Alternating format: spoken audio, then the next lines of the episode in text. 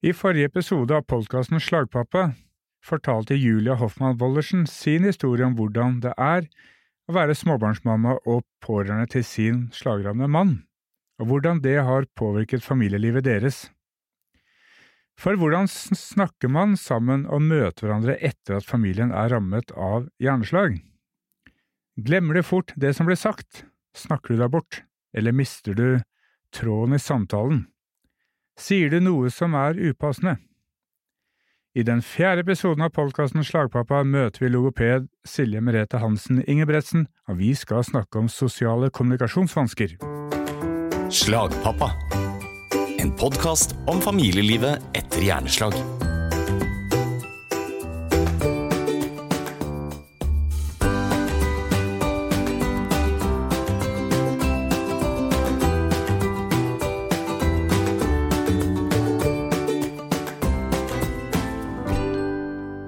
Hei, Silje.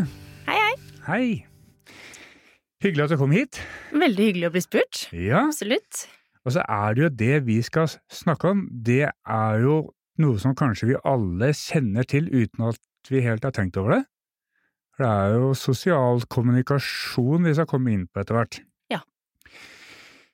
Og dette har jo du engasjert deg i en hel del, for Mm. du har levert en doktorgrad om sosiale kommunikasjonsvansker etter hjerneslag og ervervet hjerneskade.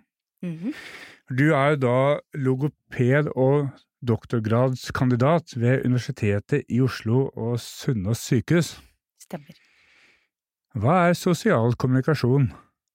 Sosiale kommunikasjonsferdigheter er jo handler jo om en persons evne til å bruke både språklig og ikke-språklig kommunikasjon innenfor en gitt kontekst eller sosial situasjon. Sånn at eh, det kan være for eksempel både det å, å uttrykke seg og forstå det som blir sagt, ut fra ulike sosiale settinger eller fra kommunikasjonspartner til kommunikasjonspartner. Og det krever jo en rekke kognitive ferdigheter, Mm. eh, i tillegg til at det også krever kunnskap om liksom sosiale regler, eh, grenser, og det krever også gode selvreguleringsferdigheter, det at man klarer å stoppe å tenke, ikke sant, eh, før man sier ting. Dere har jo vært inne på disse usynlige vanskene i tidligere episoder. Når man tenker på kommunikasjonsvansker, så tenker man jo veldig ofte på språkvansker eller afasi, ikke sant, etter et hjerneslag. Men det er veldig mange som også får kognitive vansker, som eksektive eksekutive vansker, hukommelsesvansker, oppmerksomhetsvansker, eh, som også påvirker kommunikasjon, da, på ulike måter. Mm. For eksempel kan det være vanskelig, som eh, du nevnte, med å å huske det som blir sagt, eller vansker med å, hvordan man skal planlegge og organisere en historie fra A til Å, for eksempel, eller at man sier upassende ting, eller snakker før man tenker. Så For det her er noe jeg kan kjenne igjen, det der med å ikke huske alt som blir sagt, eh, og når jeg skal fortelle noe, så mister jeg tråden. Altså, dette kan jeg kjenne igjen. mm, Eh, Men så bare for å skille litt på ordene, for at vi sier altså Noen ganger sier vi kognitivt, noen ganger sier vi sosial. Eh, Hva er forskjellen på når vi sier kognitiv kommunikasjon og sosial kommunikasjon? Kan si det som det? Ja, nei, det er jo Kognitive kommunikasjonsvansker Mm. er jo et begrep som brukes mye, og det er jo et paraplybegrep Mm. som, eh, som er ganske vidt, og som egentlig inneholder et veldig vidt spekter av ulike typer vansker. Og når vi snakker om sosiale kommunikasjonsvansker, så er det én av mange vansker som er innunder denne store paraplyen av kognitive kommunikasjonsvansker. Mm. Det handler jo egentlig mest om at vanskene påvirker en persons evne til å innta de sosiale rollene eller delta aktivt i sosiale settinger. Mm. Sosiale roller kan jo være for eksempel det å komme tilbake i den jobben man var i, ikke sant, innta sin rolle som forelder eller som eh, i familien eller sosialt lag. At de kognitive vanskene påvirker, gjør det vanskelig, da, å, Mm. å, å være den personen som man gjerne var tidligere, ja. som man Mm. Ja. ja, så sosiale kommunikasjonsvansker høres ut som en konsekvens av de kognitive senskadene man har. stemmer. Ja, Mm. Men er det mulig å si noe om måte, hva som skjer oppi hjernen eh, når det svikter, eller hva er det som ikke er der lenger? Kan man si noe om det? ja, det man, man, ser er jo at um, disse vanskene veldig ofte er knytta til litt mer diffuse hjerneskader, som for eksempel en traumatisk hodeskade hvor du har vansker flere steder sant, i hjernen, mm. eller hjerneslag knytta til høyre hemisfærehjerne mm. eh, i hjernen, da. Hvor disse, mange av disse viktige kognitive ferdighetene sitter, da. Mm. Så det handler jo egentlig mye om um, hvordan man kan bruke disse kognitive ferdighetene når vi kommuniserer, da, for vi bruker jo hele hjernen når vi kommuniserer, både språk, men også eh, veldig mye annet. For jeg sier jo eh, innledningsvis her eh, for hvordan snakker man sammen og møter hverandre når hjerneslaget har rammet familien. Og det siste, møte hverandre, eh, det er altså faguttrykk, der er det et litt vanskelig ord, er vanskeligere ord. Der kan det være interaksjon, altså hvordan fungerer man sammen. Mm. Hvordan blir det påvirket, eller kan det bli påvirket, hvis man har de kognitive senskadene og man får sosiale kommunikasjonsvansker? Jo, det kan jo bli vanskeligere kanskje å tolke signaler, ikke sant? Mm. Um, at når vi to sitter her og har en samtale, så tolker vi jo hele tiden hverandre, og mm.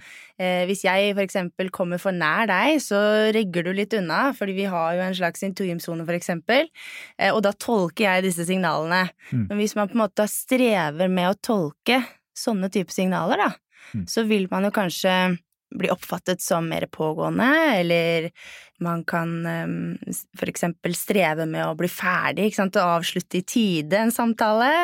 At man um, hopper fra tema til tema, for eksempel, og uten å lese den andre i forhold til Nå avbryter jeg kanskje deg, ikke sant, for mm. du var ikke ferdig med det du holdt på å si, mm. og så videre. Altså, det vil jo kunne få ganske store konsekvenser, da, for kommunikasjonen, egentlig, mellom da den som er rammet, og de rundt, da. Mm. Um, og så kan man jo tenke at man Eh, når man kommuniserer med eksempel meg, da, som er en logoped Jeg er jo over middels tålmodig når det kommer til hva jeg på en måte godtar og ikke godtar i en sånn type interaksjon. Det er klart, kommuniserer man med venner eller er i et annet sosialt lag hvor, mm. hvor mye skjer på en gang, kanskje er det en samtale med flere personer, og disse kognitive vanskene kan gjøre det vanskelig å forberede tale, for eksempel. At man kommer for seint på. Mm. Samtalen vandrer videre før man rekker å komme på ballen, på en måte. Så det kan være, få mange ulike konsekvenser, da. Mm. alle disse tingene er jo til en viss grad helt normalt. Alle gjør vi jo det, av ulik, liksom i ulik grad. Samtidig som her er det jo personer som opplever en helt reell endring, da. Ikke sant? At etter hjerneslaget så opplever jeg mye større problemer med dette, for eksempel, enn jeg hadde før. Mm. Så at det er en reell endring, og at det skjer utover det man på en måte tenker er normalt i gåsetegn, altså. Mm. Ja. Men er det da sånn at eh, de sosiale ferdighetene endres ut ifra hva man allerede hadde av sosiale ferdigheter? Så hvis man var litt til å snakke mye monolog, da så snakker man enda mer i monolog, for eksempel? Mm, for eksempel. Ja. Det er klart at man, man er jo Sånn vil det jo gjelde alle typer vansker. Altså, mm. vi er alle forskjellige, og man sier jo den derre I forhold til språkvansker, for eksempel, så tenker man jo veldig ofte sånn eh, har du møtt én afasirammet, har du møtt én, nettopp fordi vi er alle forskjellige og har et ulikt utgangspunkt. Og sånn vil det også være her, tenker jeg. Mm. At man har jo et ulikt sett med sosiale kommunikasjonsferdigheter i utgangspunktet. Eh, noen opplever jo at de utfordringene som man hadde fra før, eh, mm. blir bare forsterket, at man får mye mer av det, eller så opplever man helt nye ting som er kanskje helt eh, overraskende, eller ja, ting man ikke har tenkt på tidligere. Men jeg har jo også hørt eksempel fra pårørende som har sagt at nei, han har alltid vært sånn, han har alltid pratet mye sånn, men nå skjer det mye mer enn før, eksempel. Mm. Så det vil jo være veldig ulikt, da, hvordan det arter seg. Mm. Så er det også en vanske innenfor dette som er eh, kan være litt sånn problematisk, er jo dette med innsikt i egne vansker, eh, og veldig ofte så ser vi jo at dette med innsikt for fysiske vansker, som for eksempel en arm eller et bein, eller er mye lettere å forholde seg til enn disse kognitive, litt mer usynlige vanskene som du er inne på her, da. Mm. Men eh, hvorfor er det sånn? Nei, det skulle jeg ønske jeg hadde et godt svar på. Ja. Eh, nei, det er, det er vanskelig å vite. mm, I hvert fall har ikke jeg noe godt svar på det.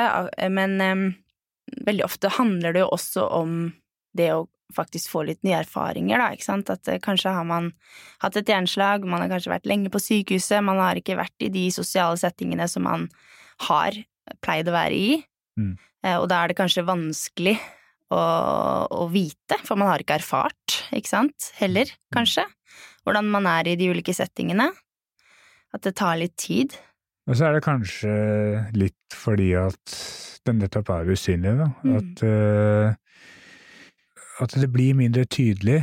At man er litt mer sint enn før. Ja, men han har alltid vært litt sint, som Mm. du sier da, ikke sant? Mm. Uh, Det er vanskeligere for de rundt å forstå det òg, ikke sant, fordi det er em, Det at man eh, har et bein som ikke virker, Mm. får jo helt naturlig konsekvens. Man må kanskje sitte i rullestol, eller at man må Det er veldig synlig. Mens eh, disse Veldig ofte, eh, når man strever med disse kognitive vanskene, da Hvis man har primært det som hovedvanske, og ikke mye annet i tillegg, så prater man jo ofte og er ganske sånn kjekk og grei, ikke sant, i samtale, og første øyekast kanskje man ikke legger merke til det. Mm. Og så mm, er det noe som skurrer, ikke sant, etter hvert, kanskje, eh, som man kanskje kan reagere på. Men det er mye mer eh, ja, mye mindre synlig, da. mm. Ja, når man kommer litt inn i samtalen. Ja, Ja. for eksempel. Mm. Mm. Ja, for dette høres ut som det handler mye om nyanser. Mm. Ja. Men det at man kan si noe upassende er jo litt mer synlig, da.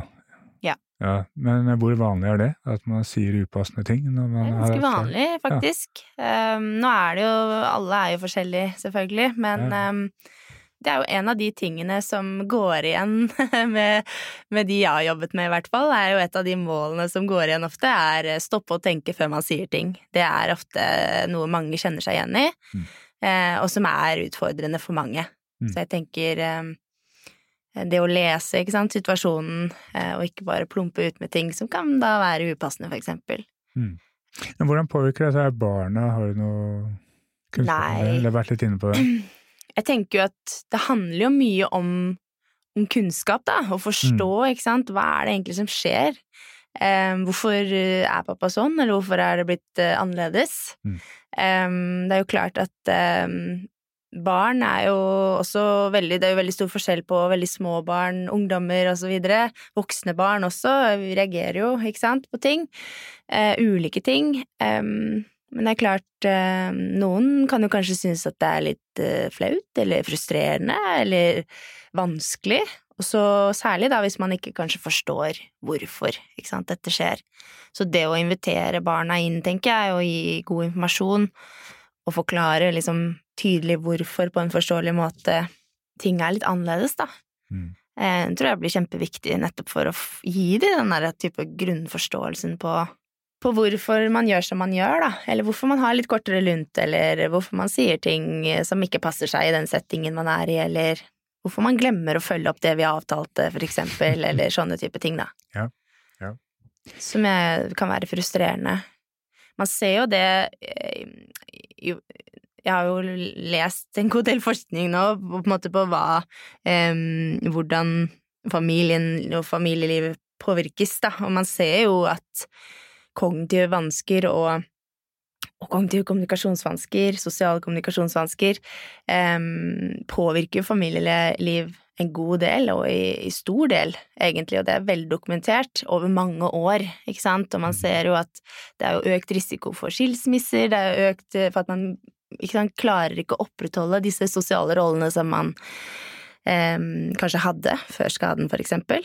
Mm. Man ser jo også at eh, at eh, det er en større andel pårørende som, av de nære pårørende som får angst og depresjon, sånne type tendenser, da, Mm. som er um, Man sier jo ikke at det er et likhetstegn med å ha disse vanskene, så får man det, men, men man ser at det kan være utfordrende, da, i de nære relasjonene, for det er jo klart at det er jo familien som, som står en nærmest, og det er, det, er jo gjerne der man eh, blåser ut eh, hvis, man, eh, hvis man har behov for det, kan man jo bare kjenne seg igjen selv, Mm. hvordan man er selv. Nå er vi jo litt inne i kjernen av det podkasten skal handle om. Mm. Eh, Det er jo det at eh, samspill hjemme, kommunikasjon hjemme, hvordan man er sammen hjemme, det forandres. Mm. Eh, Og at det forandres til noe ukjent. Og da tenker jeg at det temaet her, sosiale kommunikasjonsvansker, er litt sånn nøkkeltema, da. Mm. Eh, Men på en måte, hvor kjent er dette fagfeltet? Eller hvor kjent er denne problemstillingen sånn der ute utenfor fagmiljøene og vi som er rammet av det, for å si det sånn? Da? Det er jo dessverre vært et litt eh, glemt område, altså vært lite fokus på det. Mm. Eh, både nasjonalt her, men også internasjonalt. Eh, det er jo de siste ti tiårene, egentlig, altså ikke ti tiår, men de siste par tiår, Ja. eh, hvor det faktisk har blitt et økt fokus på det. Ja. og man ser at eh, da er det jo gjerne kognitive kommunikasjonsvansker, da, den større paraplyen, eh, hvor man på en måte eh, ser at det egentlig er ganske utbredt også. Så det er jo veldig synd, da, tenker jeg, at det er så lite fokus på det, når det egentlig potensielt er en ganske stor gruppe mennesker da, som, eh, som sliter med disse tingene. Mm. Um, og, og der er det også er det, Vi har jo ikke noen norske tall på det. Uh, og i Norge har det vært gjort veldig lite forskning på det. Mm. Um, men eh, hvis vi ser på tall internasjonalt, så ser man at det spriker mellom alt fra 30 til 70-80 prosent av alle som får ervervet hjerneskade, sliter med ett eller flere aspekter av disse tingene. Det er jo et ganske vidt spekter, da, Mm. ikke sant, fra Mm. 30 til Ja, ja, ja. det er et ganske men, men samtidig så gir det en indikasjon på at det er potensielt en ganske stor gruppe mennesker, da, Mm. som kanskje lever med disse ting, vanskene Mm. uten å egentlig bli fanget opp, da. Kanskje ikke engang har et navn på det, eller vet. Men, er, men er det noen forskjell i alder her, eller er det en spesiell alder det er høyere forekomst eller mindre forekomst, eller har ikke det noe å si? Akkurat i forhold til alder er jeg litt usikker. Eh, Det er jo Vi ser jo disse typer vanskene innenfor flere ervervet hjerneskadepopulasjoner, da, så ikke sant, og alderen, for eksempel gjennomsnittsalderen for et hjerneslag er jo mye høyere enn for eksempel ved traumatisk hodeskade, da, hvor de gjerne er litt yngre. Mm. Um, man ser det jo også innenfor hjernetumor eller anoksiske hjerneskader, sånn at det er jo på en måte et ganske vidt spekter. Så akkurat i forhold til om det er noen aldersgrupper som er mer utsatt enn andre, er jeg usikker på. Nei, nei. Hvordan er det de pårørende opplever dette? Nei, det er jo noe forskning da, som viser at, um, at de nærmeste pårørende ofte kan føle seg litt alene i den um, rollen som støtteapparat, da. Særlig da etter at denne første rehabiliteringsfasen er over, og man kanskje kommer hjem, ikke sant, fra å ha vært på rehabiliteringssykehus, og så blir man da overlatt veldig til seg selv, og at det kan være tungt å stå i, Mm. eh, i det. Og hvilke tilbud er de pårørende har når det kommer til denne type vansker? Det er jo vært litt begrenset, da. Det kan jo være at det er veldig, dessverre litt sånn I Norge så er det jo er det nok veldig overlatt til Eller det er veldig store forskjeller, tenker jeg, og veldig avhengig av hvilken em, hvilken fagperson man møter. Forskningen viser jo det at det her med å, å møte andre i samme situasjon, det å dele erfaringer, ha pårørendeseminarer, sånne type ting, er noe som oppleves som meningsfullt og, og positivt for de pårørende som jeg tenker er absolutt noe vi bør tilstrebe, da, eh, å få til, slik at det handler jo også om det å få informasjon, ikke sant, Mm. i flere runder. Ikke Mm. bare når man er på akuttsykehuset, hvor veldig mye av verden snurrer fra, før, ikke sant, veldig mye inntrykk. Eh, da er man kanskje bare og mest opptatt av at eh, han overlevde, ikke sant, eh, og dette gikk så bra som det kunne gå. Men når man da kommer liksom lenger ut i løypa, eh, hvor man kanskje erfarer mer og mer ting, da, det å få en, en ny runde med informasjon da, på et senere tidspunkt kan være veldig nyttig. Og når du er inne på det, så tror jeg også at dette handler litt om at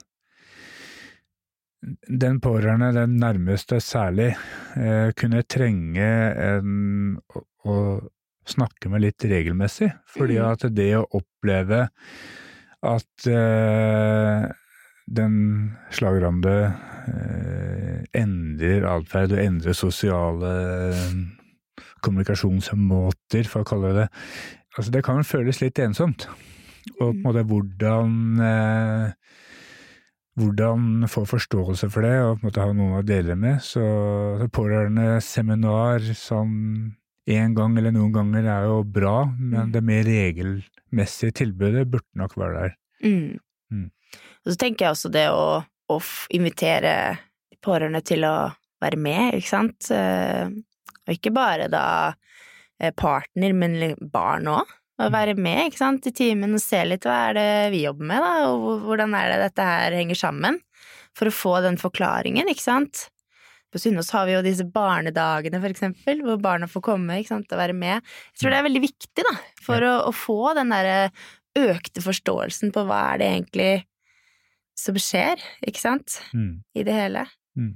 Og vi, i hvert fall min erfaring er jo, vi så jo det i prosjek prosjektet vårt også, at det var jo noe av det som ble sagt, ikke sant, at, at det, bare det her med å på en måte få mer informasjon, det å få være med, ikke sant, som en støttespiller i en behandling, for eksempel, å ha oppgaver man kan løse sammen, eh, reflektere sammen om ting, eh, hvor meningsfullt og fint det kunne være, da. Man kanskje også snakker om ting som man ikke ville snakket om ellers, og så videre. Så jeg tenker at det er veldig mange positive sider med det, da, å involvere de pårørende mer. Mm. Ja, det er en form for ufarliggjøring samtidig som det er eh, å lære seg hvordan det er Mm. sammen med andre, så man samtidig får den aksepten så man senker skuldrene litt òg. Absolutt. Mm. Og så er det klart, vi er jo laget litt sånn at det som er ukjent, det er skummelt. Mm. Og det å få mer informasjon om ting, lære mer, eh, kjenne det litt mer på kroppen over tid, Mm. tror jeg også er, er veldig nyttig, da. Slagpappa. Men så har jo du har de siste årene jobbet med en doktorgrad, et forskningsprosjekt, som handler om dette temaet. Kan du ikke fortelle litt om det? Jo, bakgrunnen for at jeg i det hele tatt startet med det prosjektet, var jo at jeg jobbet jo som logoped ikke sant, på Sunnaas sykehus, og, og, og jeg, jeg så jo at det var en stor andel av pasientene på kognitiv rehabilitering som, som strevde med disse tingene, og så hadde vi veldig lite egentlig kunnskap om hvordan kan vi best behandle det. Og jeg fikk også den følelsen når jeg henviste pasienter ut til kommunene ikke sant, etter at de hadde vært på sykehuset, eh, at jeg ofte fikk litt sånn stressa telefoner fra logopeder da, som ikke helt visste hva de skulle gjøre med denne pasienten som jeg hadde henvist. Mm. Eh, og, og det er jo fordi det har vært så lite fokus på det, både i logopedutdanningen og, osv. men så det var jo på en måte bakgrunnen for prosjektet, at, jeg, at vi begynte å undersøke hva er det egentlig som finnes der ute av behandling da, for dette, og, og er det, hva er det som er anbefalt.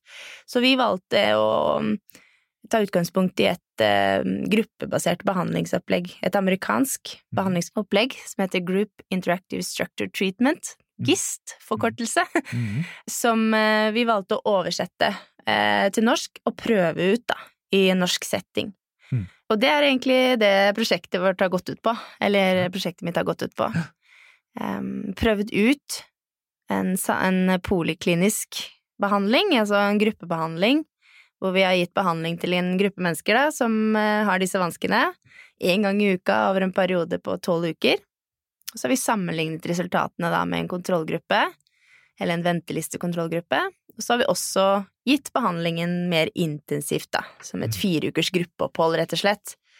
Så mm, innholdet i begge behandlingene er jo det samme, men formen er jo, og intensiteten har jo vært ulik, da.